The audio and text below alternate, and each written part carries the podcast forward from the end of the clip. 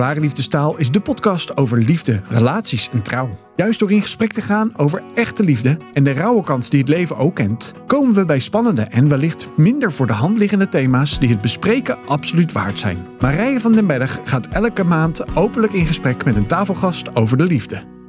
Ik zit vandaag aan tafel met Joop van der Dol. Ik noem hem altijd opa Joop, uh, want ergens ja, heb ik jou Joop in mijn hart gesloten als, uh, als cadeau opa. En we kennen elkaar inmiddels echt al jaren. Toen ik ooit bij De Hoop ging werken als, uh, als jongerenwerker, als preventiemedewerker... was je altijd degene die ook toen al voor me een stukje zorg droeg. En dat vind ik echt heel erg bijzonder. Het is echt een voorrecht om vandaag met je in gesprek te gaan over de lessen die je leerde ja, van de liefde met je vrouw. Maar ook hoe bijzonder het is hoe je nu ook na haar overlijden ook in het leven staat. Fijn dat je het bent, Joop. Ja, ik uh, vind het fijn om het te doen uh, met jou, Marije. Ja. We hebben altijd een klik gehad ergens. En je bent ook een bonus, uh, mijn oudste bonuskleinkind ben je. Ja, ja. dat is mooi hè. Ik, ik heb het regelmatig over jou als mijn cadeau opa. En dan vragen mensen altijd, hè, hoe werkt dat? Nou, dat is heel simpel. Ja. Ja, dat is kostbaar. Ja, we hoeven er niks voor te doen. Het gaat vanzelf. Hè? Ja, dat is echt prachtig. Ja. Een van de dingen die je heel graag doet is wandelen. Ja. Je hebt inmiddels al een paar keer de Camino gelopen, de kustroute. Ja. Kun je mensen eens meenemen? Wat, wat, wat, hoe is dat om zo'n Camino te lopen?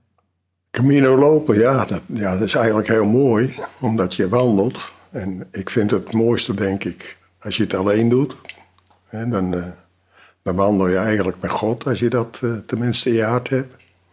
En het mooie is dan dat je ook uh, ja, vrij bent om andere mensen te ontmoeten. En dat is, ja, dat is wel heel apart. Het is, ook een heel apart verhaal, kan ik ervan vertellen. Maar eigenlijk moet je ook voorzichtig zijn als je God wat vraagt. Want ik heb in het begin liep ik langs de kust en dan was het stil. En toen vroeg ik aan van, ja, kunnen we wat mensen ontmoeten? Toen heb ik mensen ontmoet en die, uh, die stonden mij allemaal niet aan. En die heb ik dus ook weer, uh, ben gauw tussenuit geknepen. heel, heel kort even. Maar ik heb ze steeds weer ontmoet en uiteindelijk moest ik toch wat tegen die man zeggen. Het was een man en een vrouw, zij, zij kon Engels, hij, zij, het waren Tsjechen. Hij kon, kon, met hem helemaal niet communiceren, maar was toch blij als hij me zag. En ik moest uiteindelijk toch iets tegen hem zeggen. En uh, dat was toch wel heel bijzonder. Ja, en dat was uiteindelijk in Santiago de Compostela, eigenlijk de uh, Bijna, bijna bij ja. het eind. Ja. ja. Kwam ik, en ik werd ze een paar keer tegen en een paar keer ontlopen. Totdat uh, dat het duidelijk was wat ik moest zeggen tegen hem. Ja, wat moest je zeggen? Ja, dat hij, hij was uitbehandeld. Hij was psychisch was die, ja, was hij helemaal uitbehandeld eigenlijk. En hij was nog, nog maar kort. Maar ik moest tegen hem zeggen dat hij naar een priester moest gaan. Hij was, hij was rooms. Dat, ik had hem ook in de kerk zien zitten een keer, helemaal verdrietig. En dat hij naar een priester moest gaan. En dat hij uiteindelijk moest ik tegen hem zeggen dat hij alle mensen die hem pijn gedaan hadden moest vergeven. Dat hij dat met de priester moest bespreken. En dat, ja, dat, dat, dat, ik, dat zij vertaalde dat en hij begreep wat ik bedoelde. En later heb ik ze nog een keer tegengekomen, want het was voor Santiago was dat al. En toen zei ze, hij is al een stuk opgewekter. Bijzonder. ja, en ik heb hem in Santiago nog het laatste gezien. En toen zat hij lachend in de kerk. Terwijl ik een week daarvoor huilend in de kerk had gezien. Dus ik denk ja, dat dat gewoon goed was. Dus eigenlijk maar, mocht je een boodschapper zijn voor iets wat God... Voor wat God ja, tegen hem wilde zeggen. En daar had ik eigenlijk wel om gevraagd, maar ze stonden me niet aan. Maar ik moest het toch doen. Ja. Grappig soms, hè, dat je soms ja. mensen op je pad krijgt. Dat dus je we denkt... heb ik nog een paar van die, van die ja. hele speciale ontmoetingen gehad eigenlijk. Ik denk dat veel mensen... Ik heb zelf de Camino ook gelopen, alleen dan... Uh, in Spanje zelf, de, uh, de horizontale route ja. zeg maar, van het oosten naar het westen. Ja. En wat ik gemerkt heb, is dat je heel veel bijzondere gesprekken kunt hebben. Ja. En dat veel mensen op zoek zijn naar een stukje verlichting. Ja. Hè, spiritualiteit, wat vandaag de dag echt hot is. Ja. Eh, maar wij mogen daarin echt weten, hè, maar God spreekt ook echt. En God bemoedigt en God ziet de worsteling van elk mens. Misschien wel juist wanneer je in eenzaamheid zo'n eh, zo'n pelgrimsroute loopt. Ja, dan ben, je, dan ben je makkelijker benaderbaar voor anderen eigenlijk. Als, als je met een groepje gaat, is dat toch anders. Ja, ja.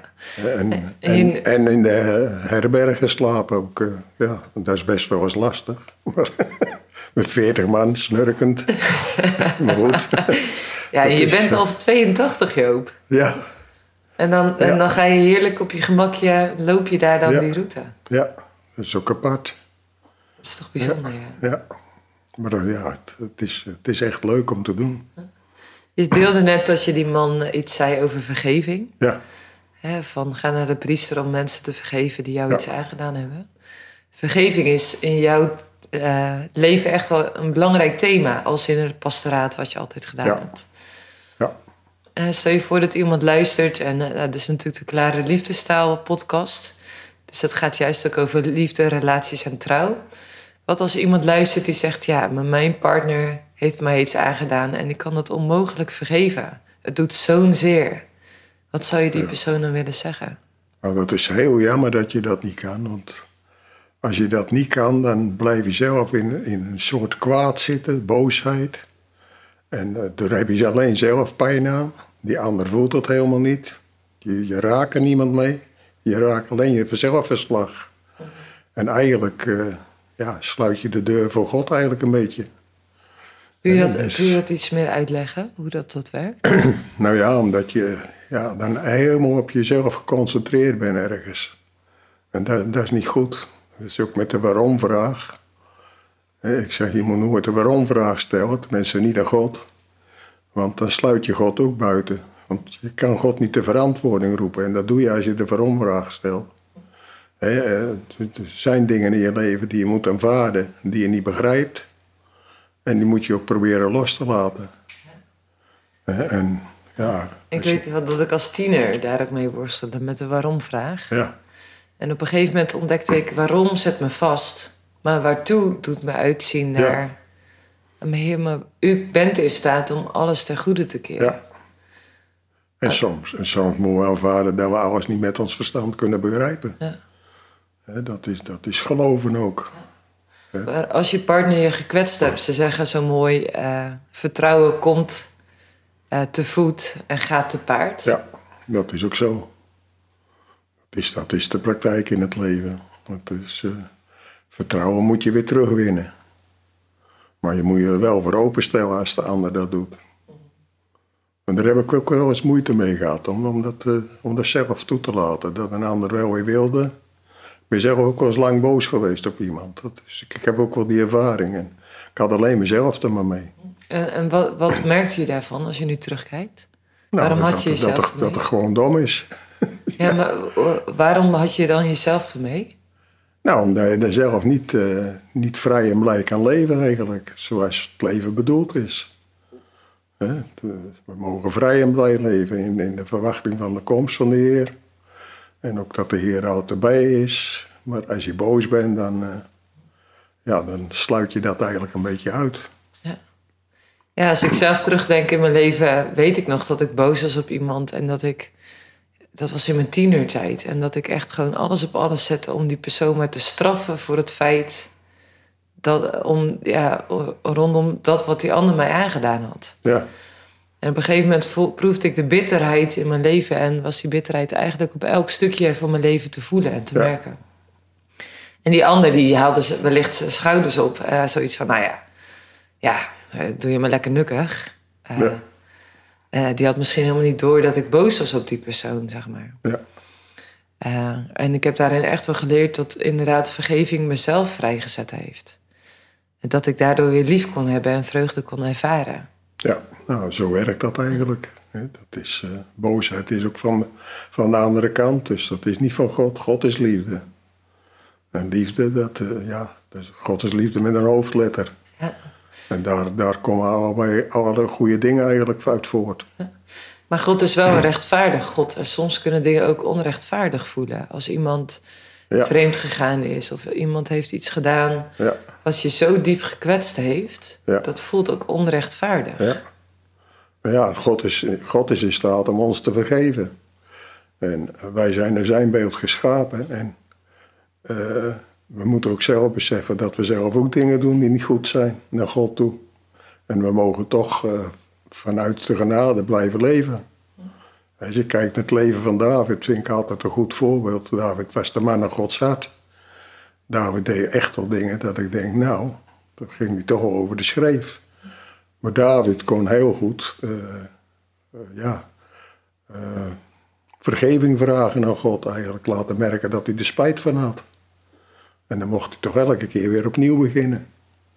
En dat vind ik mooi dat dat gewoon in de Bijbel staat, het verhaal. Want David heeft toch echt wel... hij heeft eigenlijk Uriah vermoord. En uh, had hij tot vrouw genomen voordat ze, dat ze nog getrouwd was. Dat zijn echt wel uh, grote dingen eigenlijk. Maar is er wel groot, is er wel verschil in grote en kleine zonde? Dat is ook een vraag die je wel eens kan stellen.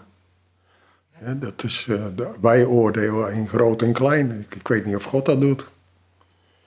Kleine dingen zijn ook zonde. Ja. Ja, het maakt, zeg maar, of dat je nou klein of groot doet, het maakt dat je een zondig mens bent. Ja. En dat je Gods genade zo hard nodig hebt. Ja, iedereen. Wat betekent Gods genade voor jou? Ja, eigenlijk alles. Zonder kan je niet leven. De mensen niet echt leven, vind ik. Dat, uh, ja, eigenlijk is dat alles. Ik weet niet hoe dat ik er verder uit moet drukken. dat is mooi, hè? Ja. 12, 12, 2022 zou je 60 jaar getrouwd geweest zijn. Ja. Jammer genoeg is dat bij 51 jaar gebleven. Ja ben je inmiddels acht. Morgen ben je, op het moment dat we nu opnemen, ben je, zou je morgen, uh, ben je acht jaar weduwnaar. Uh, zou ik 59 jaar getrouwd zijn, hè? Ah ja. Ja, dus ja, ja dit jaar. Ja, dus 2022 was ja. het 60 jaar geweest. Ja. En, en inmiddels ben je acht jaar weduwnaar. Ja. Kun je daar iets over vertellen? Ja, daar, daar kan ik wel wat over vertellen. Kijk, mijn vrouw is ziek geworden ja, ze was al ziek, maar voordat het echt ontdekt is wat ze had. En, en echt goed uh, doordrong was, was na een operatie vlak voor ons, uh, nou, zeg maar een week voordat we 49 jaar getrouwd waren, kreeg ze eigenlijk de doodvonnis. En uh, was ze geopereerd en ze had eierstokkanker, die was uitgezaaid. En, dus die was gebarsten, noemden ze dat. En dat zat dus in heel de maag al het, al het vocht wat in je maag, of nou, in je maag, in je buikholte zit, mm. waar alle organen in rondzwemmen. Dat was dus, uh, ja, eigenlijk, uh, ze zaten de zaadjes van, de, van de kanker in. En uh, dat was best heftig. Dus heel haar buik zat vol met kanker? Ja. Hoe, ja. hoe, hoe komt zo'n boodschap binnen als je dat hoort? Ja, dat, dat weet ik eigenlijk niet eens meer. Want dat gaat eigenlijk zo snel allemaal. Want we hadden geen eens tijd om te beslissen. Ze hadden al de chemo al besteld voordat we ja gezegd hadden dat dat mocht. Ze hebben toen wel verteld dat, uh, dat er één chemokuur voor was. En die tijdelijk werkte.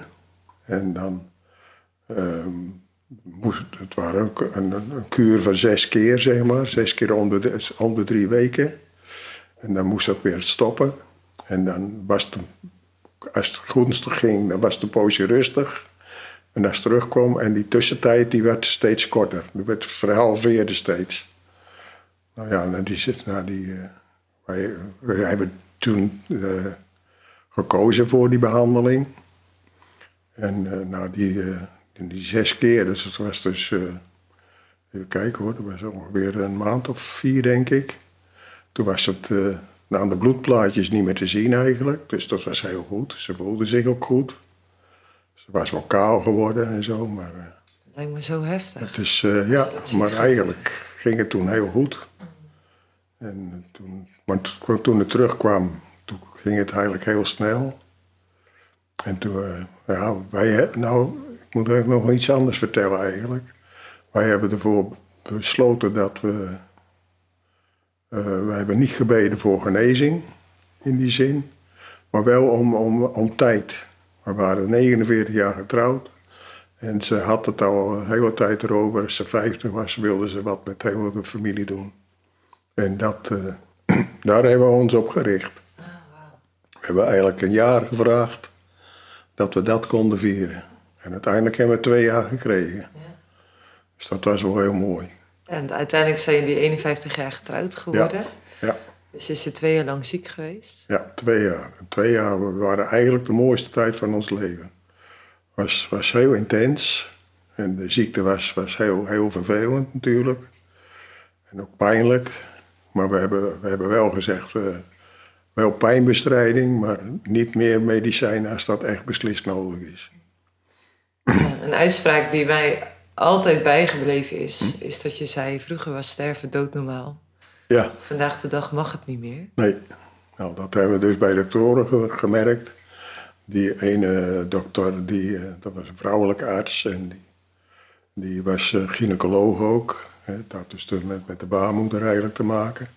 Maar ook, eh, ze was ook voor, voor de kanker, dus uh, gynaecoloog geloof ik. Ik heb wat moeite met moeilijke woorden, maar... eh, Ja, een oncoloog. ja. ja, hè. En die had dus heel goed uitgelegd hoe dat het gegaan was. Die, die, die, dat gezwel was uit elkaar gebarsten, net als een soort eh, paardenbloem. Die zaadjes die verspreiden zich ook overal heen. En zo zat dat door heel die buik heen. En ze had dus gezegd dat er maar één soort was.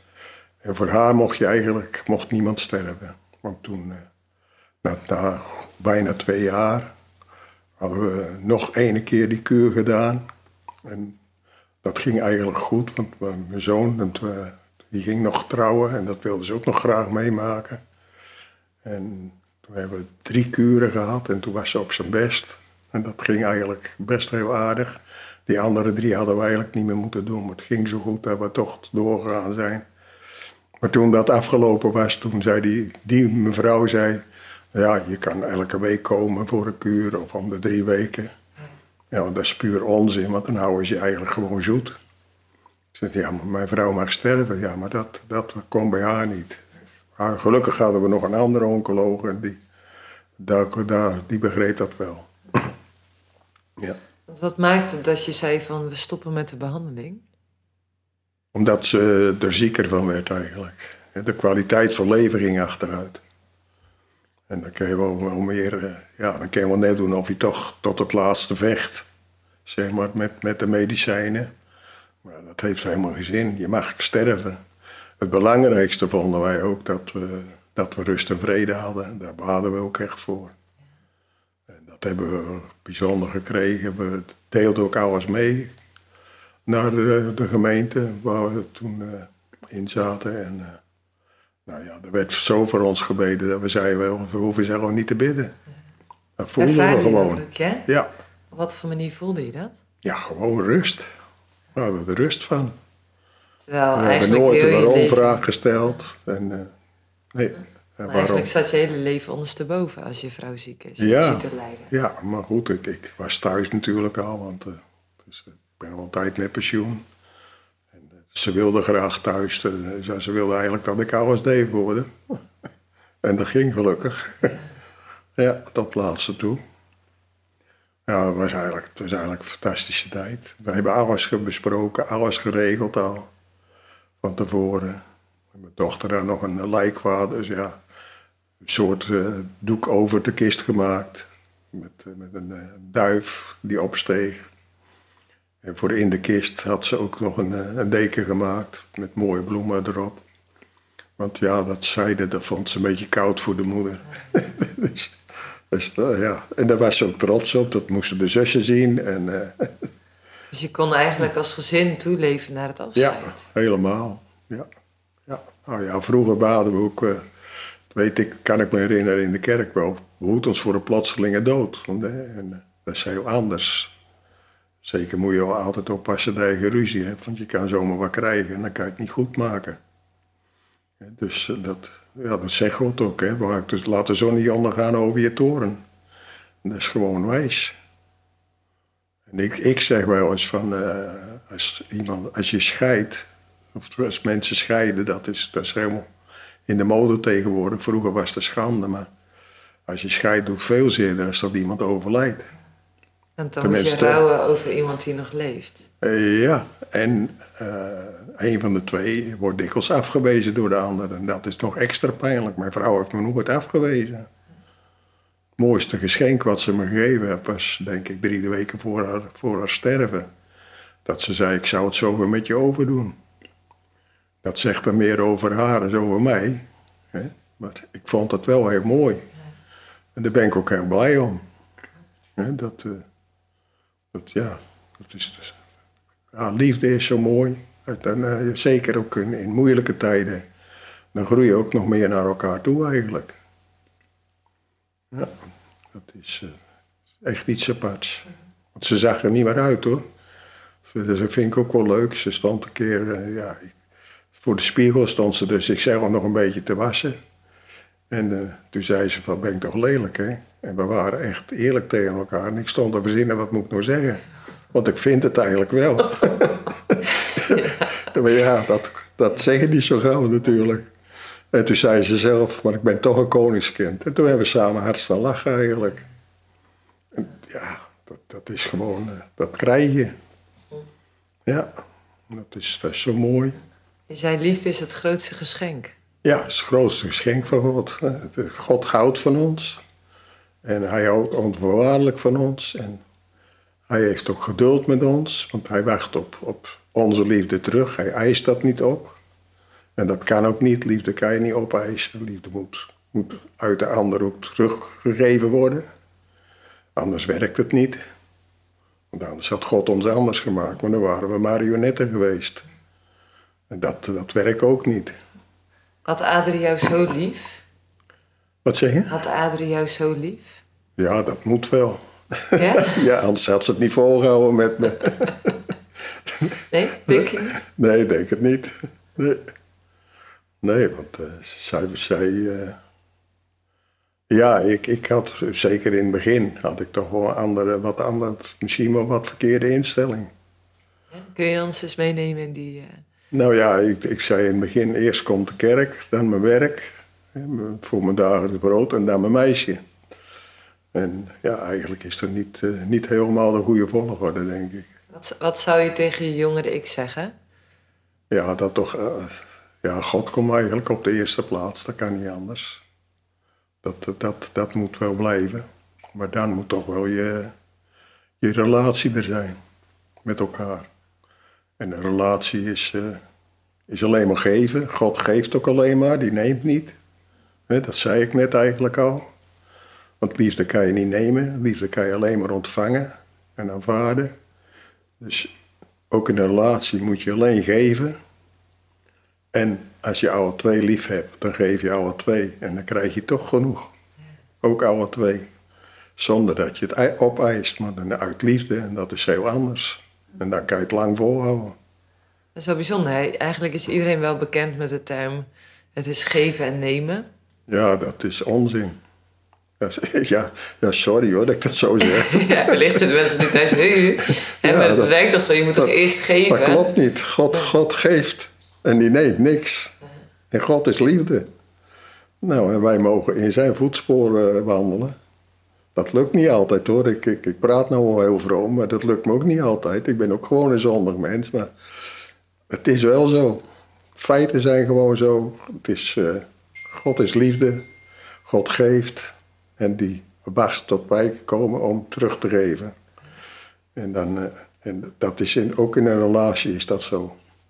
Dus het is in plaats van geven en nemen... is Het is het alleen geven. geven. En dan, als je dat beide doet, zul je ook ontvangen. Ja, dan ontvang je vanzelf. Ja, want dan ga je voor elkaar.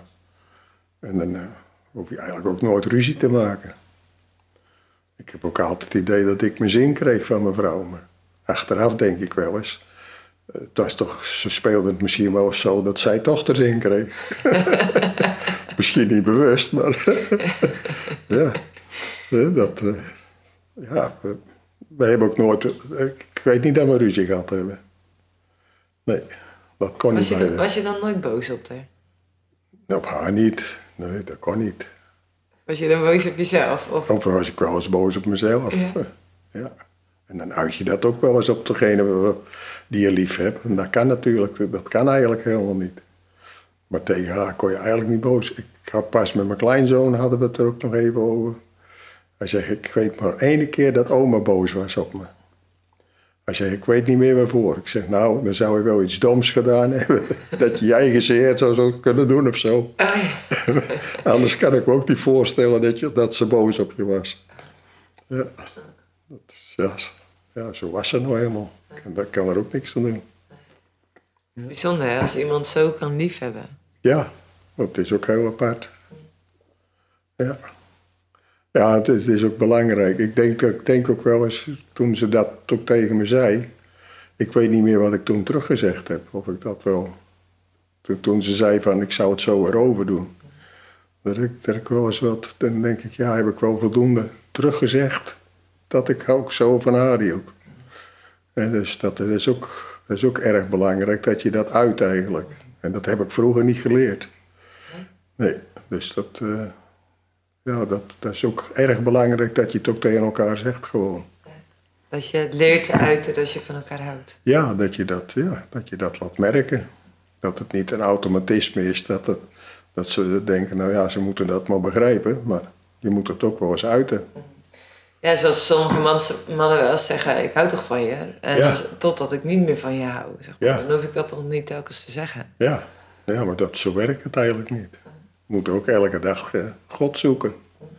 Anders dan gaat die relatie ook stuk. Toch?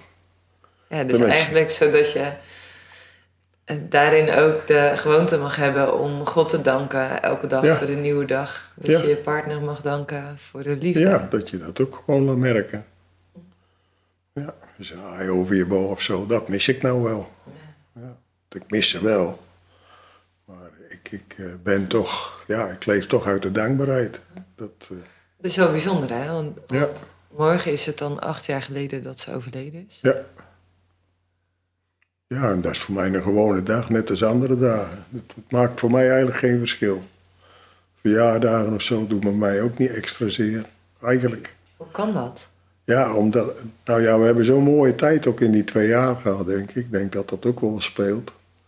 Eh, Dat we God zo dichtbij hebben ervaren. En dat ik, eh, ja, als ik, als ik een beetje verdrietig ben, dan, eh, en ik, ik echt uit, vanuit mijn hart God dank voor alles wat hij me in Adrie gegeven heeft, hè, dan word ik gewoon blij.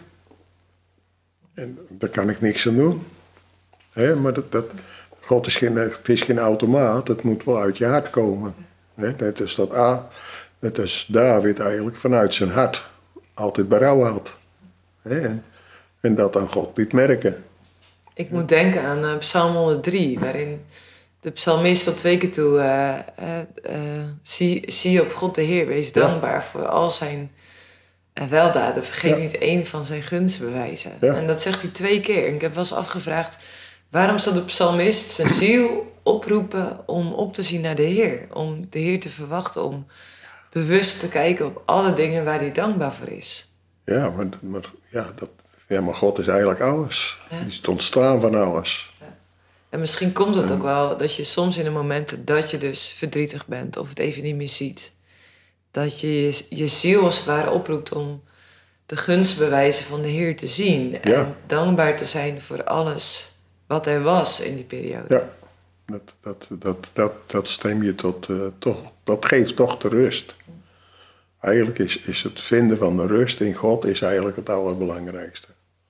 Je kan afleiding zoeken in een heleboel dingen. Dat doen jonge mensen, die, die moeten elk weekend uit. Maar dat werkt ook maar even. Nou, ik denk dat heel veel oude mensen dat op een bepaalde manier ook doen. ook hebben. Ja, Maar dat is wel heel wonderlijk dat je ervan getuigt van... eh, Ja. hè, ik kan me dus verdrietig voelen. Ja. Ik kan Adrie missen. Ik mis die ei op mijn bol. ja, ik voel nog wel alsof ze naast me liggen, bij wijze van spreken. Ja, goed, dat is niet zo. Nou, dan is het een bewuste lege plek naast je. Ja, ja, en die is er gewoon. Ja, een lekkere knuffel, dat zou ik best nog wel eens willen hebben van de. ja, dat, eh, Hoe heb je die kracht gevonden om het leven zo op te pakken? Want als er iemand ja, maar die zijn leven opgepakt heeft en de Camino is gaan lopen en is gaan wandelen en, en God zoekt en van betekenis voor anderen, voor je kleinkinderen. Iemand die gevend is, dan ben jij dat wel. Hoe, hoe heb je die kracht gevonden om je leven weer op te pakken na haar verlies? Nou ja, ik, ik kijk ook wel eens naar andere mensen, hoe dat die er met de verlies, omgaan. En ik heb ook een zwager, die is heel, heel jong, is die weduwnaar geworden. En die is eigenlijk altijd in het verlies blijven hangen. En die heeft ook een, eh, ja, moet ik zeggen, een ritme aangenomen. Dat vind ik ook. Ook op andere gebieden is dat eigenlijk verkeerd. Dat je, hij ging altijd op een vaste tijd, op zondagsmiddag om twee uur op naar het graf toe met een bosje bloemen. En dan kwam hij altijd verdrietig terug, want hij vond er niks. Tenminste, denk ik. En dat moet iedereen verschillend beleven. Ik vind niks bij het graf van mijn vrouw, want ik weet dat ze daar niet is. Zelfs toen ze, toen ze opgebaard lag thuis. Ja, dus ze was er niet meer. Het was haar lichaam nog wel. Maar het echt was ze er niet. En mijn zwager ook. Als, als hij een keer om een of andere reden echt niet kon, dan was hij nog verdrietiger. Want dan had hij zijn vrouw in de steek gelaten. Maar toen ze uiteindelijk overleden was, hoe deelde je met dat grote verlies? Want je hebt twee jaar in de zorgmodus gestaan. Ja. En je zei, ik heb bijna e- eigenlijk alles zelf kunnen doen. Dat wilde ze ook heel graag. Maar je valt toch wel in een gat daarna. Ja, toch viel dat eigenlijk wel mee. Want ze, ze is ontslapen zoals ze wilde eigenlijk in de slaap. Wilde ze dus eigenlijk uh, ja, naar het vaderhuis. Want uh, een paar weken voordat ze stierf zei ze is mijn kamertje nou nog niet klaar boven. Hè? En ze is ook in de slaap eigenlijk. Uh, ja, s'nachts. Werd ze de, nacht voor ze, de dag dat ze stieren, werd ze wakker. Nee, was, hoorde ik ze niet meer ademen eigenlijk eventjes. En toen boog ik over de reen. Toen kreeg ik een heel mager armpje om mijn nek. En toen zei ze dankjewel. En ze, ze gleed weer terug. En ik heb ze niet meer gehoord. En ze is 16 uur later overleden dat is, uh, ja. een bijzonder moment geweest. En, en ja, ze, ze, kon niet meer leven. En dan gun je ook dat ze eigenlijk gaat. dat, uh, ik heb ook aan mijn kleine, uh, ja, ene kleindochter was, was echt nog heel, heel close mee. Die was 13 jaar toen. Heb ik gezegd, je moet oma maar eens een brief schrijven dat ze, dat ze heen mag gaan. Heb ze een heel mooie brief geschreven voor oma. Echt, echt heel apart. En uh, ja, dat, dat, was ook geweldig eigenlijk. Dus juist ook door het proces heen, wat, er, uh, wat jullie samen meegemaakt hebben in haar ziek zijn. Ja, heb ik denk ik al een heleboel uh, verwerkt. Ja, en, en, ook afscheid genomen. Ja. Al juist omdat je die tijd ook had en dat ze ook ja. zo verlangde naar ja. het vaderhuis, zoals je dat net ja. zei. Ja, en, en je merkt ook dat je zelf ook, het, het, het wordt heel zwaar aan het eind. En dat het eigenlijk ook een keer, uh, ja, had ook een ander bij moeten slapen. Ja. Nou, dat had ze verschrikkelijk gevonden. Ja, dat heb ik tot laatst kunnen doen, gelukkig. Maar dat was echt ook wel op het randje. Ja. Op een gegeven moment, want je slaapt toch lichter. Je, je slaapt om en je hoort alles. Ja, dat is, mijn moeder is palliatief verpleegkundige. Dus ik, ik hoor van haar wel, wel eens verhalen over hoe, hoe zo'n laatste tijd is. Gewoon hoe intens dat het is. En hoe, hoe zwaar. En hoe dat je ook je geliefde ziet worstelen van... Hè, het is goed geweest. Laat me maar thuiskomen. En tegelijkertijd ook... Ja, toch te hangen met leven. Dat, dat, dat, hebben, dat hebben mensen ook eigenlijk. Ook, uh, ja, hoe gaat het verder met iedereen? Ja, en ook voor de kinderen en kleinkinderen. Kinderen, die, kleinkinderen. Ja. Die natuurlijk ook niet dat proces waarvan jij zegt het was heel kostbaar. Ja die hebben dat proces natuurlijk op een hele andere manier ook meegemaakt. Van oma is ziek en oma lijdt. En... Ja, dat wel. Maar ja, ze hebben toch wel een hele lieve oma gezien. En uh, tot laatste toe. Want ze was gelukkig met haar hoofd was ze nog goed. Ze was, ze was nog steeds wie ze was. De zusters die bij, bij ons waren, er waren er maar drie. Die waren ook gek op haar. Bij wijze van spreken. Ja, ja dat is kostbaar. Ja. En, en toen was ze overleden en je, hè, je vertelde net iets over uh, toen ze opgebaard lag. Uh, hoe, hoe heb je toen de eerste tijd daarna weer opgepakt? Ja, ja, dat weet ik eigenlijk niet meer. Dat ging allemaal vanzelf. Het, het, is, het is ook een beetje raar natuurlijk. Het is ook een leegte. Dat, uh, ineens is alles anders. Je was er helemaal gericht op haar eigenlijk. En dan moet je toch weer een beetje rommelen. dat je weer een beetje gewoon gaan leven, zeg maar. Anders weer. Ja, want je moet vanuit de zorgende modus naar de, naar de, van de wij-modus naar de ik-modus. Terwijl je dus 51 jaar getrouwd was. Ja, maar ja, goed, aan de andere kant dan, eh, ja, was ik toch ook wel... Kijk, ik, ik geloof dat ze bij God is. En hoe ze is, in welke staat ze is, weet ik niet. Maar ze heeft het daar beter als bij mij, daar ben ik van overtuigd. Dus ze is beter af nou, als ik. maar dat gun ik er. Ja. Dus uiteindelijk vind je enorm veel troost en dankbaarheid in het feit dat God zegt: Ja. het leven eindigt hier niet op aarde. Nee. nee. Nee, daar ben ik ook van overtuigd. Ik geloof ook in de wederkomst. Dat, dat, dat, en ik geloof ook dat dat nabij is. Ik, ik hoop het nog mee te maken zelfs. Dus, eh, ja, dat, zo lees ik de Bijbel ook als het plan van God. En eh, ik lees hem gewoon eh, zoals het er staat. En ik hoef niet alles te begrijpen, want dat kan ik toch niet. En dat is toch wel fascinerend, hè? Dat we als mens zijn eh, zo graag alles ook willen begrijpen. Ja. Ja, en ik merk dat je eigenlijk, hoe ouder dat je wordt, je leert nog steeds. Ik heb altijd een beetje onvoorwaardelijke liefde. We zijn naar Gods beeld geschapen. Ik heb pas, ja, nog maar een paar jaar terug eigenlijk, begrijp ik pas dat wij ook onvoorwaardelijk lief kunnen hebben. Echt waar? Ja. Hoe Ja. werkt dat? Hoe dat werkt, ja, als je kijkt naar, naar mensen. Ik, ik geniet er ook van als mensen die van elkaar houden. Dat ze jong of ze oud of jong zijn. Daar geniet ik van. hè. Ik, ik gun ze dat ook als ze samen zijn. Ik ben niet jaloers. Ik zou ook graag een hand vasthouden, maar dat, die heb ik niet meer. Maar ik vind dat eigenlijk heel mooi. En ik, vooral met jonge kinderen. Eigenlijk onvoorwaardelijke liefde zie ik eigenlijk pas. eh, of pas, zie ik eigenlijk eh, mensen hoe ze van baby's houden. Want een baby heb je eigenlijk niks aan. Ze, ze poepen, ze houden je s'nachts wakker. Ja. En ze- doen helemaal niet het best om liefgevonden te worden. En de grootste vent, die is, die is gewoon, die, die krimpt voor een, voor een, voor een kind. Die, die houdt ook van een kind, van, van, van een baby. Terwijl ze eigenlijk voor de maatschappij zijn ze waardeloos. En ze, voegen, ze brengen niets bij. Ze brengen dan, niks, ze brengen niks Dan bij. eh, zorg. eh. Alleen maar een hoop zorg. Ja. En, en je houdt van ze. En ja, ik denk dat God ook zo naar ons kijkt. Als je kijkt hoe groot het heelal is. Dan zijn wij denk ik ook als baby's. Voor hem. In zijn ogen. En kunnen we niks verkeerd doen. Want een baby kan ook niks verkeerd doen. En door, de, door, de, ja, door, het, eh, door, door de, het offer van Christus... eh, ja, is ook alles betaald wat we verkeerd doen. ja, en dan ziet hij ons ook in die genade ook aan. Ja. Ja. En dat is onvoorwaardelijke liefde. Dus we zijn echt naar Gods beeld. Want zeg als dat kunnen we. Nou beseffen we dat niet altijd. Maar En waar gaat het verloren? Wanneer gaat het verloren dat we die onvoorwaardelijke liefde eigenlijk door onze vingers heen voelen glippen? Dat je merkt, ja, dat, toch wordt het vol wat hoort wat transactioneel. ja dat, dat is heel de maatschappij, denk ik. En wat is dan die, dat gedachtegoed, dat, dat we dat zo Ja, maar een, maatschappij moet alles efficiënt. En eh, tijd is geld tegenwoordig. Ik heb meegemaakt dat de arbeid niet zo duur was. En dan hadden mensen veel minder stress. Want als er een mannetje meer op het werk liep, dat gaf helemaal niet. Maar tegenwoordig eh, ja, is alles, ook in de zorg, is alles op maat, op tijd.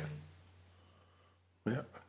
Ik heb een nichtje die, die moet nog weer bijleren. Want die mag ook straks gesprekken doen met, eh, die is in de verpleging dan, mag ook gesprekken doen met patiënten die je wel eens vooraf hebt voordat je naar een specialist gaat. Nou, dan moet ze tentamens doen en pas, eh, het, het, gaat allemaal goed. Behalve moest ze wat over zichzelf schrijven. En dat was fout, want ze was eigenlijk te aardig. Ja, ik zeg, nou, voor mij is dat heel goed hoor. ik ben blij dat dat, dat het fout was. Ja, want die gesprekken mogen niet langer dan 10 minuten duren. Er staat een tijd voor.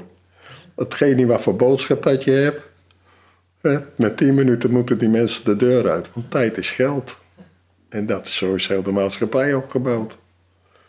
En dat is bij God is dat anders. Ik merk voor mezelf een enorm verschil op het moment dat ik dus op een avond één afspraak heb of meerdere. Ja, Omdat als ik meerdere eh, afspraken heb, zit ik ergens nog in mijn hoofd van... oh ja, straks Ja. moet ik nog daarheen. En Ja. kan ik niet emotioneel echt present zijn. ja, Dus precies. echt zijn in het moment. Ja, En ik denk dat dat in relaties ook zo werkt gewoon. Ja. Ik, ik, merk, ik ben er ook wel eens bewust van. Van als ik druk ben met werk en allemaal dingen... dat ik dan richting Jan ook niet altijd er ben in het moment. Hij Nee. ziet het meteen altijd aan me. Want hij, Ja, eh, hij, hij, heeft, dat, dat, hij, ziet dat, hij ziet altijd precies van waar ik ben met mijn hoofd... en of dat Ja. er lekker in mijn vel zit niet. Adrie kon mij ook lezen, ja. Bijzonder. ik vind dat echt bijzonder. Als er wat was, ze kon voor altijd eh, lezen en eh, eruit halen. Dus ook als ik het niet wilde vertellen. Ja, dat is bijzonder hè. Dat iemand, iemand je zo ziet en zo kent. Zelfs nog voordat je zelf iets doorhebt... dat iemand al ziet van, oh, je zit ergens mee. Kom eens even zitten. Maar ik merk dat ik me soms er ook echt toe moet zetten... om onverdeelde aandacht te hebben. Ja. Omdat ik dan in het moment kan zijn... En, en ook emotioneel present kan zijn... en ook echt kan liefhebben. Ook Ja. echt mijn hart kan openen om naar zijn verhaal te, te luisteren... en Ja. echt te horen wat hij zegt. Ja, dat is ook belangrijk. Maar in de maatschappij kan dat niet meer. Nee. De menselijke maat is eigenlijk helemaal zoek. De computer beslist een heleboel. Nou, dat gaat ook fout. Dat, dat, zien we gewoon ook in de maatschappij. En dan is geluk het, het, hetgene wat je dus na moet streven. Ja, En als de ander je dus niet gelukkig maakt, Ja. dat is weer dat nemen stukje wellicht, ja, dan, eh, dan heb je recht op beter. ja. En daar is geen tijd voor. Tijd, tijd kost geld. Dus in, de, in de zorg, ik vind het verschrikkelijk in de zorg. Dat alles op tijd moet. Wat zou je een stel mee willen geven al- in, het- in het kader van tijd? Wat heb je geleerd over tijd in, in liefde en relaties? Ja, dat je gewoon dat, dat tijd nodig is, anders dan raak je in de stress. Dat is, eh, ik heb alle tijd nou, eigenlijk. dus dat is wel makkelijk, want ik heb geen verplichtingen bijna. Eh, dus dat is, dat, is, dat is makkelijk. Maar als je gewoon in de maatschappij bent. Ik heb vroeger nog 48 uur gewerkt. En ik kon het alleen opbrengen om, eh, voor mijn gezin. Tegenwoordig moeten ze met z'n tweeën werken. En bij elkaar werken ze misschien wel, wel 72 uur. En dat is dan de vooruitgang. Kinderen moeten naar de crash. Kan je zelf niet opvoeden, want daar heb je geen tijd voor. En, en dat is welvaart. En welvaart, eh, welzijn hoor ik de overheid niet meer over. Welzijn is een raar woord. Zelfs als tevredenheid is ook een woord wat je niet meer hoort. Dat weten mensen ook niet meer wat dat is. Tevreden zijn met wat je hebt. Met wat je hebt, ja. Maar dat nodigt eigenlijk uit tot eh, eh, het analyseren, het bekijken van oké, hoe leven we? Ja, Eh, hoe, hoe richten we onze leefstijl in? En in hoeverre hebben we dan dus ook tijd, onverdaan- onverdeelde aandacht en echt liefde voor elkaar? Ja. Onvoorwaardelijke liefde. Onvoorwaardelijke liefde, ja. Want dan zou je kunnen zeggen van oké, hè, dan skippen we bepaalde dingen. En leren we tevreden te zijn met minder, waardoor we meer tijd hebben voor elkaar. Ja, maar ja, de, de maatschappij stuw je ook, ook mee eigenlijk. In de vaart der volken ga je ook mee.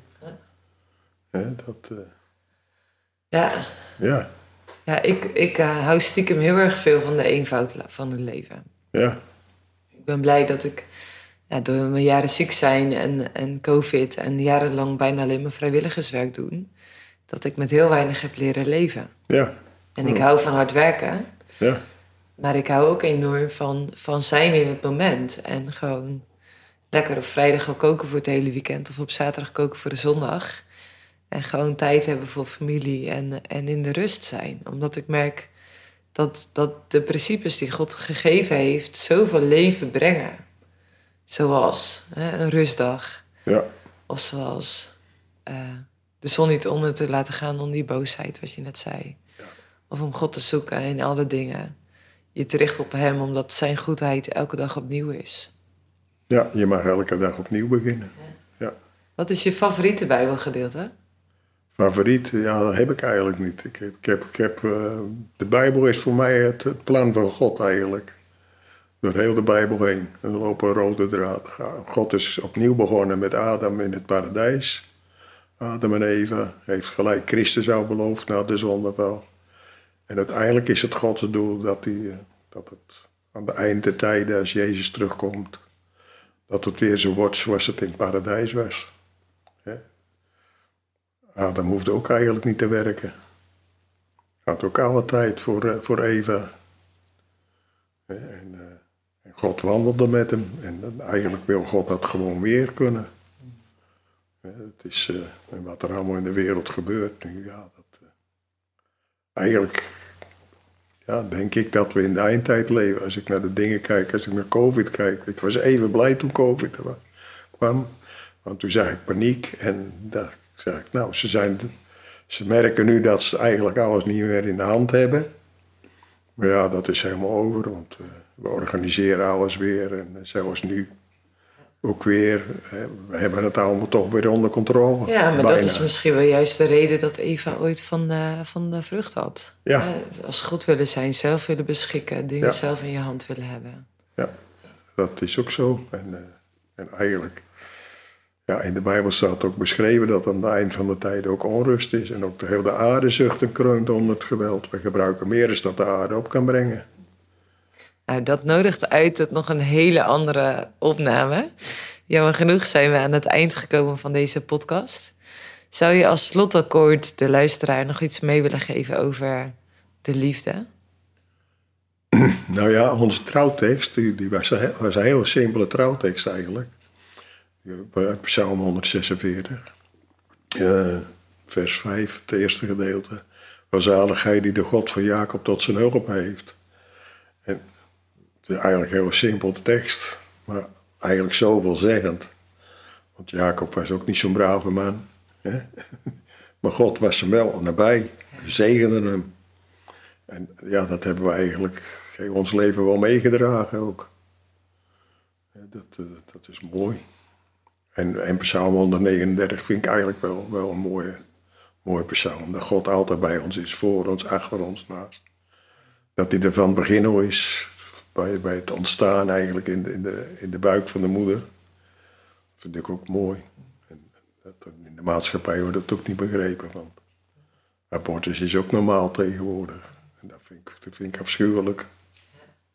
Als mensen nog een eh, podcast willen luisteren over abortus, dan kun je die van Gerja terugluisteren. Gerja Wolf, echt een prachtig interview over leven vanuit genade, eh, verzoening met jezelf. Juist ook als het een, eh, een abortus betreft. Joop, enorm bedankt voor, eh, voor jouw inbreng. Eh, voor je tijd, voor je wijsheid en je hele kwetsbare, kostbare verhaal. Dankjewel. Graag gedaan.